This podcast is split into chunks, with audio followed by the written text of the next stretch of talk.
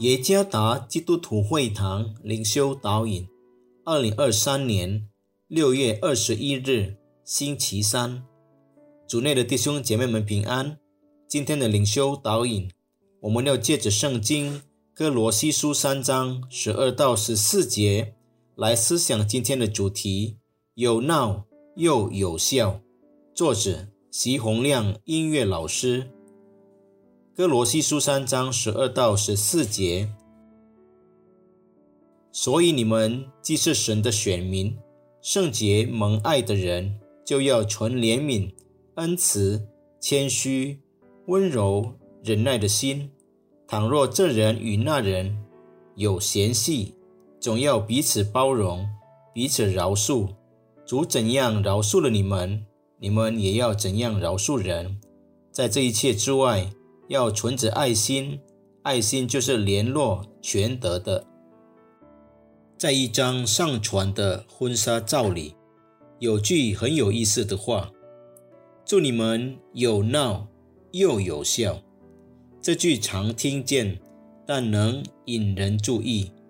那些正在谈恋爱，虽不常见面的人，会有这样的感受，更不必说那些。山盟海誓、生死相守、每天都见面的情侣，诺言所束缚的人，他们需坚守结婚誓言中的彼此相爱。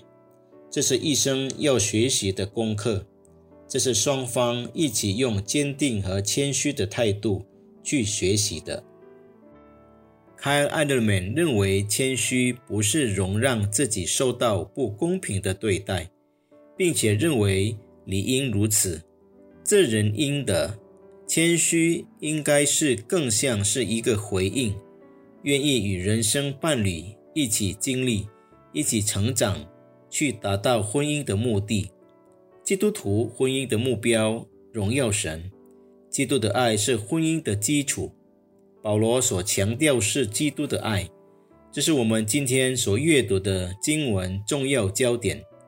保罗提醒哥罗西的教会，人的生命是因神的恩典而得更新，神的选民是圣洁蒙爱的人。保罗希望生命更新能体现在生活关系中，这包括婚姻关系中，生命更新的特征是怜悯。恩慈、谦虚、温柔、忍耐的心，彼此饶恕，这些特征总结来说，就是基督的爱。基督的爱如同最有力和最完美的绳索，把一个婚姻或者一个群体紧紧地系在一起。虽然有闹又有笑，是人际关系发展中的一段。但体验过基督之爱的人会谦卑自己，他会尊重上帝的旨意，超过个人的感受。